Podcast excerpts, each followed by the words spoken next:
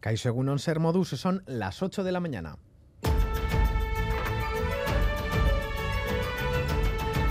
Crónica de Euskadi con Lier Puente.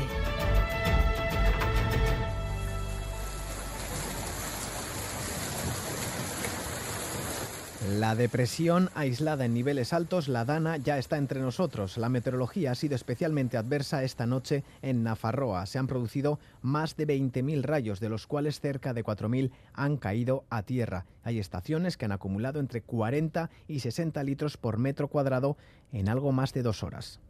No me lo esperaba yo, salí de casa que hacía buen tiempo y ahora, pues no sé, se ha puesto un cambio tan repentino. Se ha puesto bastante bonito, sí. Ya era hora de que lloviese un poco y que hubiese truenos y centellas, pero bastante sorpresa ha pillado. Yo venía de casa ahora y he podido coger el chubasquero, pero si no, ya era hora de que lloviese un poco y se mojase todo el ambiente y que se refresque un poco, a ver qué tal los siguientes días. Al final en Iruña el tiempo es así, un día estás con sol y en 10 minutos se te pone a llover. Pero sí que he salido a hacer las compras sin paraguas. Ya nos meteremos en algún aterpe y ya está. Además, se han medido rachas de viento muy fuertes, casi 90 km por hora en Monreal y 111 km por hora en el aeropuerto de Noain, la mayor racha medida en los últimos años. Por ello, AEMET ha activado para este sábado la alerta naranja por fuertes lluvias y tormentas. El gobierno de Navarra se encuentra muy pendiente. José Javier Bondalier, director de emergencias del gobierno de Navarra. Es muy complicado saber dónde va a impactar. Estamos en eso realmente y con todas las predicciones intentar ver dónde puede impactar. Pero es muy complicado, como digo, porque depende de muchísimos factores. Una tormenta de, de este tipo, una, una, tormenta fría. Lo que hemos hecho es preavisar a todos los operativos. Todos están pendientes y estamos haciendo todo el seguimiento. No solo en el interior, Euskalmet ha activado el aviso amarillo también en la costa. Lo peor se espera entre las 9 de la mañana y las 6 de la tarde. Previsión meteorológica de Euskalmet con Nayara Barredo. Egunon.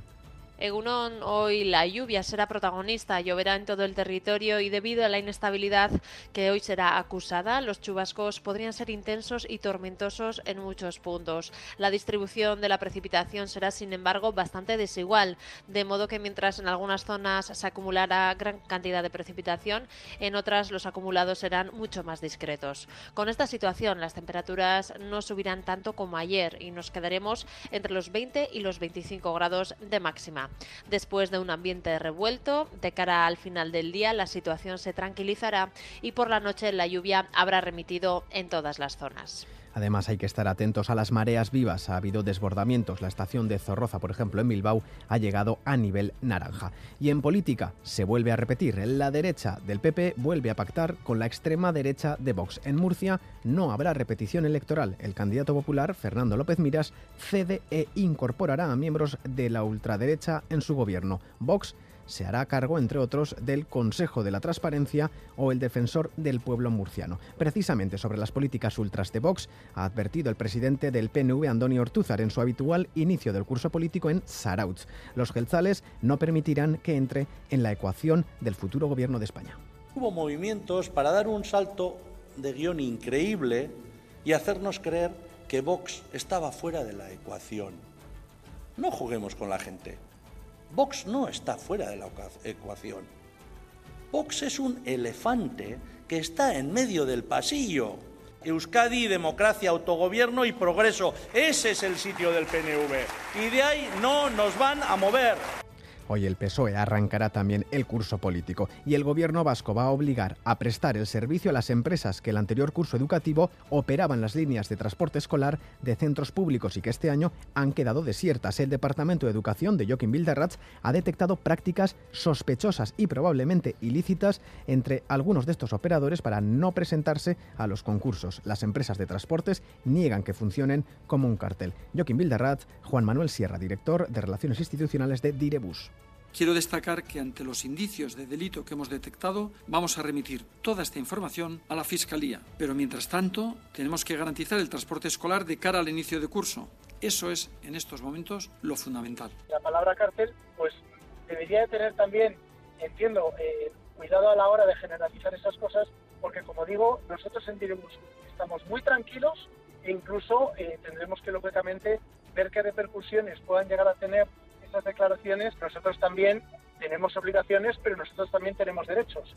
Y finalmente, el TAT, el Tribunal Administrativo del Deporte, se ha pronunciado, pero no como el gobierno de España quería. Para el TAT, el beso indeseado de Luis Rubiales de un superior a una trabajadora subordinada, a Jenny Hermoso, en la celebración del Mundial, no es una infracción muy grave, solo grave es más que un matiz. Con esta decisión el gobierno no puede inhabilitar directamente a Rubiales, por lo que el ministro de Deportes, Miquel Iceta, ha pedido al TAT que le suspenda cautelarmente el Consejo Superior de Deportes va a instar al tribunal que proceda a suspender temporalmente de sus funciones a Luis Rubiales hasta que se resuelva definitivamente el expediente que le afecta.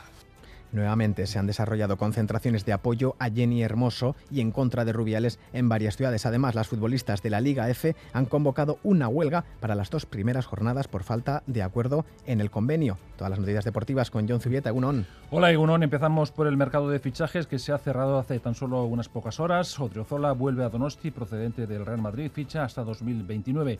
Además, eh, Diego Rico se va cedido al Getafe, también se van cedidos al Alavés, Carricaburu y Alex Sola. Por último, Robert se marcha al Cádiz en calidad de préstamo. Asimismo, Miguel de la Fuente se va al Leganés, cedido por el Alavés, y Sila abandona el club tras rescindir el contrato. Además, el Amorebieta recibe la cesión del defensa Josep Gallá del Mallorca. Dejamos los fichajes y nos centramos en el partido que va a disputar hoy la Real Sociedad ante el Granada. Será a las dos con la necesidad de lograr su primera victoria. Además, a las seis y media el Alavés se enfrenta al Valencia en Mendizorroza. En cuanto a la Vuelta a España, hay que hablar del veterano Geoffrey Sop, que se hizo con la etapa de ayer. En la jornada de hoy, la octava, se pueden establecer ciertas diferencias. Lenny Martín sigue como líder, Mikel Landa es sexto a 1 minuto y 58 segundos. En materia pelota sale, Jaca y Mariz Currena se hicieron con el Donostia Iría tras ganar 22-12 a Altuna y Rezusta y en balonmano hay que destacar que hoy comienza la competición femenina. A las 6 el Betionac recibe al Atlético Guardes y una hora después el Vera Vera al Granollers.